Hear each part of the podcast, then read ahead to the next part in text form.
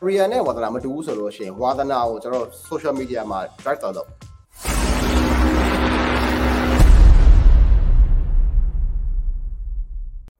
အာ career နဲ့ဝါသနာတခြားစီဖြစ်နေတဲ့သူတွေအတွက်ကိုဘယ်လိုမျိုး portfolio စောက်ပြီးတော့ professional ဖြစ်ပြောင်းလို့ရလဲဆိုတာက okay very good question အာဘယ်လိုမျိုး portfolio နဲ့ဘယ်လိုမျိုး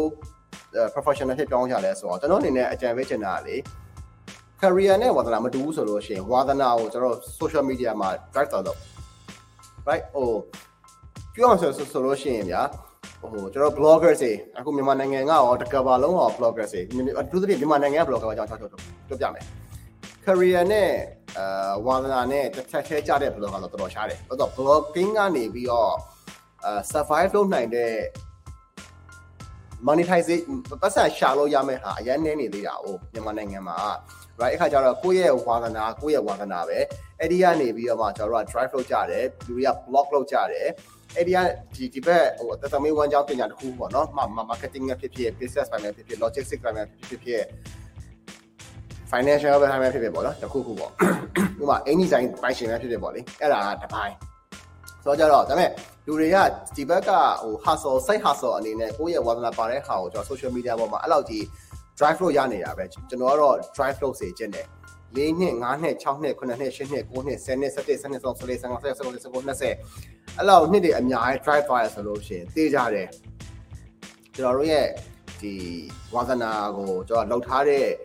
အခြေအနေပြီးတော့မှကျွန်တော်တို့ professional အဖြစ်ကျွန်တော်တို့ပြောင်းလို့ရအောင်ရတယ် ရအောင်ရတယ်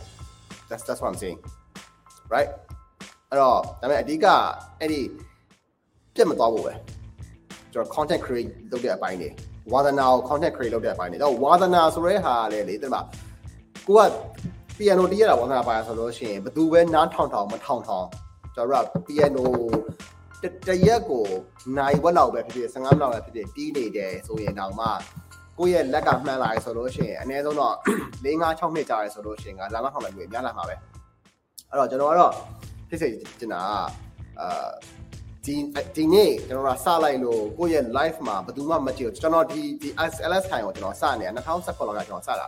19 18 19 20နှစ်ပြည့်နှစ်ပြည့်ဆို6နှစ်ရှိပြီကျွန်တော်အခု live ကိုကြည့်ရတဲ့သူက10ယောက်ပဲရှိတယ် right i mean ကျွန်တော်ကဒါကဒီ live အယောက်2000ကြီးပေါ့အယောက်2သိန်းကြီးဖို့အတွက်ကျွန်တော်လုံးလုံးရမဟုတ်ဘဲနဲ့ ဟို community တခုကျွန်တော် build up လုပ်ချင်လို့ပြီးတော့ကျွန်တော်ပြောခဲ့တဲ့ဟာတွေကိုကျွန်တော်တခုအနေနဲ့တင်ထားခဲ့ချင်လို့ကျွန်တော် live လုပ်နေတာဆိုတော့ကျွန်တော်ကျွန်တော်12ယောက်မှမကလို့2ယောက်ပဲကြည့်ကြည့်နေနေကျွန်တော်ဒီလိုမျိုးမေးခွန်းရှိရဆိုလို့ရှိရင်ကျွန်တော်နေဆက်ပြီးဖြည့်နေရမှာမှာပဲပေါ့လေအဲ့ခါကျတော့အဲကျွန်တော်ဒီမှာလဲဝါသနာပါတဲ့သူတွေအကုန်လုံးကိုလည်း social media မှာ content လုပ်အသက်ကုန်လာလုပ်ပြောပြလေးဖြစ်တာအဲ့ဆိုလို့ရှိရင်တော့အာတဖြည်းဖြည်းနှစ်ကြာလာတဲ့အချိန်မှာကိုယ့်ရဲ့အာ professional တခုအနေနဲ့တော့ဖြစ်လာနိုင်တယ်လို့တော့ကျွန်တော်တို့လည်းယုံကြည်ရဲပေါ့လေ okay နောက်တစ်ခုက